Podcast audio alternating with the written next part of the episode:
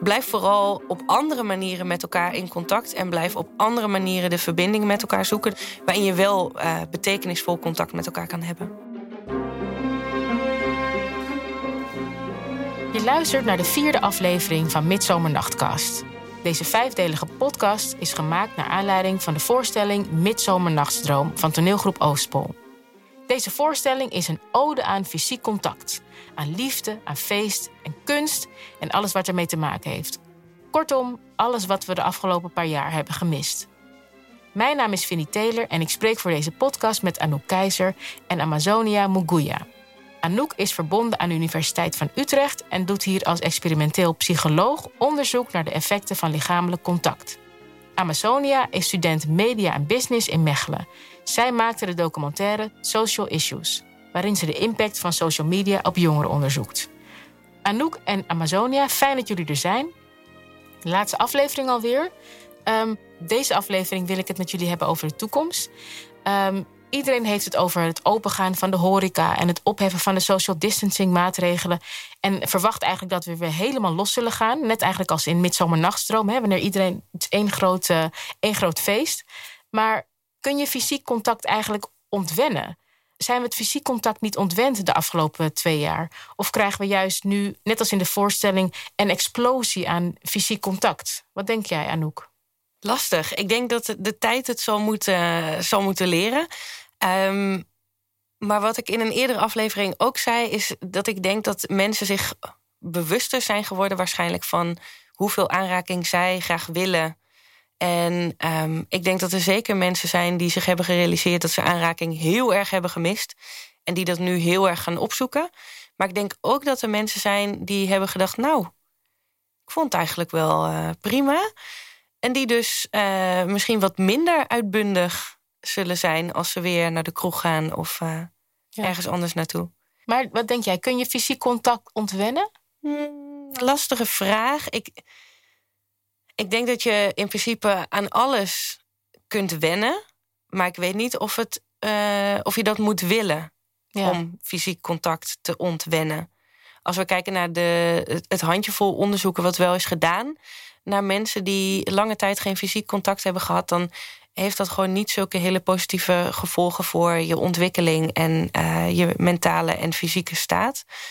Uh, dus eh, een van de onderzoeken waar ik dan naar verwijs is het onderzoek met weeskinderen uit Roemenië uit begin jaren negentig, toen het ijzeren gordijn was gevallen. Toen kwamen daar opeens allemaal misstanden in weeshuizen naar voren. Waaronder dus dat kinderen gewoon nou ja, in bedjes werden gelegd. En verder werd er niks met hun gedaan. Maar werden ze ook niet echt aangeraakt. Er is onderzoek gedaan met die kinderen... waarbij een deel van de kinderen in pleeggezinnen is geplaatst. Een deel van de kinderen is achtergebleven in de, de pleeghuizen. En wat je ziet is dat de kinderen die naar pleeggezinnen zijn gegaan... dat die eigenlijk op alle vlakken beter af zijn. Dus die hebben een betere mentale gezondheid... Uh, hebben een hoge IQ, hebben een betere baan hebben een betere opleiding gedaan, zijn gelukkiger in het leven. Ja, als we nu terugkijken, is er natuurlijk een compleet onethisch onderzoek. Dus dit, dit, zou tegenwoordig nooit meer gebeuren. Um, en wat belangrijk is om te zeggen, is dat die kinderen in de weeshuizen werden in, in zijn algemeenheid verwaarloosd. Dus niet alleen qua fysiek contact, maar op alle vlakken. Um, maar het geeft wel een indruk van uh, dat we fysiek contact toch nodig hebben. En Amazonia, wat zie jij, de, de jongeren om je heen, die jij hebt gesproken, ook voor je documentaire? gaven zij aan dat ze ineens uh, juist een beetje ze gingen inhalen? Je stelde een interessante vraag of mensen fysiek contact kunnen ontwinnen. En ik denk eigenlijk persoonlijk van niet, omdat het is iets dat je sinds geboorte al aan krijgt. En ook tot je laatste dag bijna zal krijgen, snap je? Het is bijna een deel van ons. Dus, en de mensen nu, zoals je zei, van het is nu losbandiger, alles gaat terug open. En ik denk dat mensen nog meer de essentie zien van fysiek contact en hoe hard ze het nodig hebben om mensen om hen heen te hebben. Je kan pas weten wat je effectief mist als het er niet meer is. Ja. En dat is echt een feit. Dus de mensen gaan er nu ook echt met meer appreciatie naartoe gaan. Ik bijvoorbeeld, ik ben niet gevaccineerd. Dus dat betekende ook dat ik twee jaar lang niet naar de cinema kon gaan of uit eten kon gaan. En ik ben niet gevaccineerd, ik heb nog nooit corona gehad. En nu kan ik alles terug wel doen. Dus ik heb zo een mate van, oké, I appreciate it in another way. Omdat ik het even niet had gehad voor twee jaar. En dan, dan weet je ook wat je hebt gemist. Dus ik denk dat de mensen momenteel op een andere manier gaan kijken naar hoe ze kunnen feesten en hoe ze uit kunnen gaan. Maar ik denk dat het ook wel verschilt tussen mensen hoor. Want ik denk dat er ook mensen zijn. ehm, dus er was ooit gewoon een sociale norm qua aanraking. Mhm. Dus als er een verjaardag is, was op heel veel verjaardagen in heel veel kringen en ge- gezinnen en families de norm dat je dan iedereen die aanwezig, tenminste in Nederland, iedereen, ja, iedereen die aanwezig was, ging je drie zoenen geven. Oh. Ehm, en ik denk dat er meer van dit soort eigenlijk sociale normen wat betreft aanraking zijn, ehm, die mensen misschien helemaal niet prettig hebben gevonden. En dat dat Mhm. misschien niet een hele grote groep mensen is Mhm. die dat niet prettig vindt, maar dat hij zich dat nu wel heeft gerealiseerd. Dus ik denk dat het klopt voor veel mensen wat jij zegt. Eh, dat mensen zich echt hebben gerealiseerd wat ze, wat ze hebben gemist. Maar ik denk dat er dus ook mensen zijn geweest die zich hebben gerealiseerd wat ze niet hebben gemist. Mhm. Ja, die drie zoenen komen denk ik niet echt meer terug. Oh, dat Nee. wist ik niet. Dat Ja. jullie drie zoenen geven aan iedereen. Oh joh, Ja. zelfs met oud en nieuw. Al Ja. je collega's. Echt? Waarom? Ja, Dat Goeie is verder vraag. Nederlandse Goeie vraag. Nee. goeie vraag. Bij ons zeggen ze nog niet eens goeiemorgen. Kom op, nee. Kom op, drie zeggen, wij zoenen zijn zo open. Aan je collega's. Nee joh, nee joh. Maar dat, is echt, ja, niemand vond dat fijn hoor. Maar ik ben ook wel bijvoorbeeld in. eh, of nou, niemand vond het fijn. Ik denk dat veel mensen. dat dat voor veel mensen niet echt hoefde.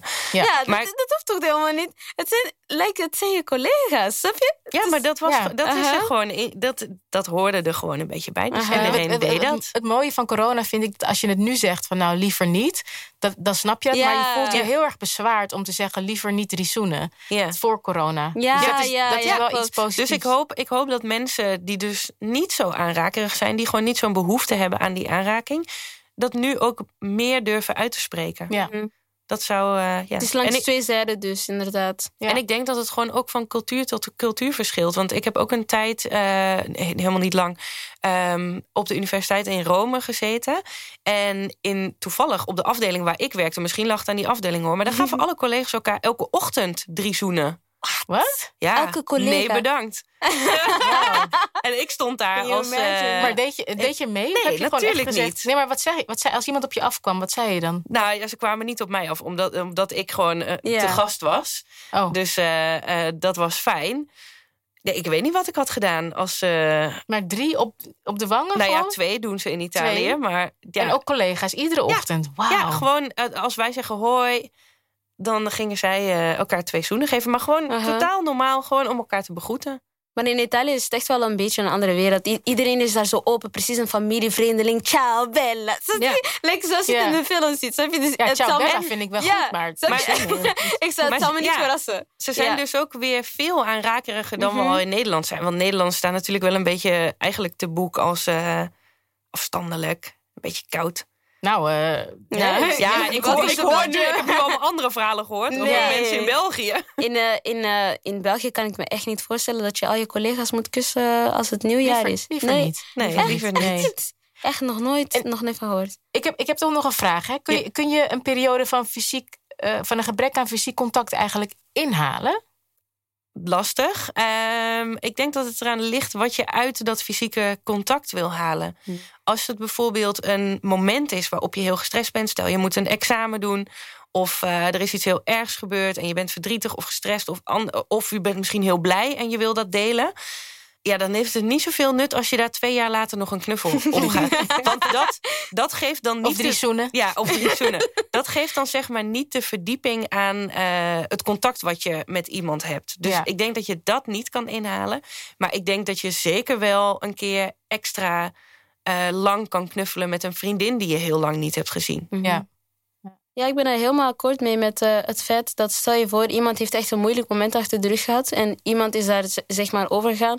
Ga jij nog doodleuk eh, een jaar later? Ja, sorry hè. Eh, Sorry dat ik... Snap je? Het, het is gewoon super belangrijk dat je daar op dat moment bent. Originaliteit boven kwantiteit. Snap je? Het maakt niet uit hoe vaak je daar bent geweest of zo, maar het is juist dat nuttige moment dat die persoon jou nodig had, in plaats van achteraf, postproductie noem ik het, zeg maar. Snap je? Like, daar, daar heb je echt niks. Snap je? Daar heb je echt niks aan. Ja. Nee. En eh, inderdaad, een, lang, een vriendin die je al lang niet meer hebt gezien. Dat kan je nog wel inhalen. Misschien zo backlessen van... oké, dit is allemaal gebeurd. Samenvatting van heel je leven in vijf jaar. Dat kan natuurlijk wel. Maar als het echt gaat om essentiële momenten... waar een persoon je echt nodig heeft... dan weet je ook gewoon dat die momenten... net zoals on air... It's live and done. Er is geen heruitzending, er is geen Nee. opname. Nee, het is gedaan. En ik denk ook als we voor de mensen die kinderen hebben. Uh, als je aan mensen vraagt, uh, zou je nog, uh, als je, je je baby in het eerste half jaar een maand niet hebt gezien, kun je dat contact wat je met je baby hebt gemist inhalen? Nee. Nope. Nee. Ik denk dat het antwoord voor volwassen mensen eigenlijk precies hetzelfde is. Ja. En dan een laatste vraag over de toekomst. Stel nou hè, dat een volgende generatie ook weer een pandemie gaat meemaken.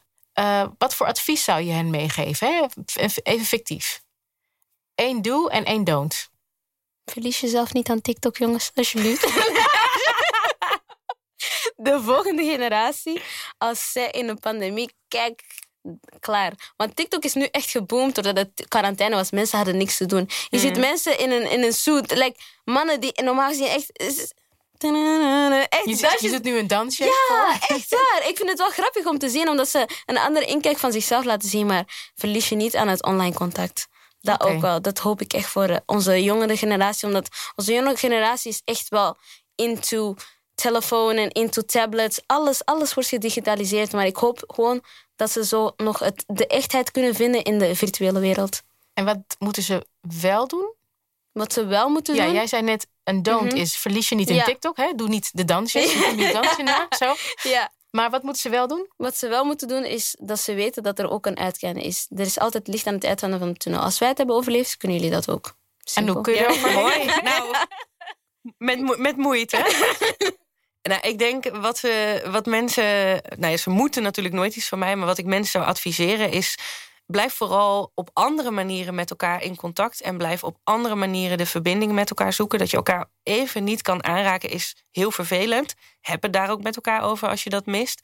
Maar blijf wel andere manieren uh, zoeken binnen een, een, set van maatregelen. Waarin je wel uh, betekenisvol contact met elkaar kan hebben. Mooi. Dankjewel. Um, je luisterde naar de laatste aflevering van Midzomernachtcast een podcast naar aanleiding van de voorstelling Midzomernachtstroom. Dit was de allerlaatste podcast, maar niet getreurd. Je kan natuurlijk nog wel de voorstelling bekijken. Dit is jouw herinnering om een kaartje te gaan halen. Wil je meer informatie over de voorstelling of over Amazonia of Anouk? Ga dan naar www.toneelgroepoostpol.nl.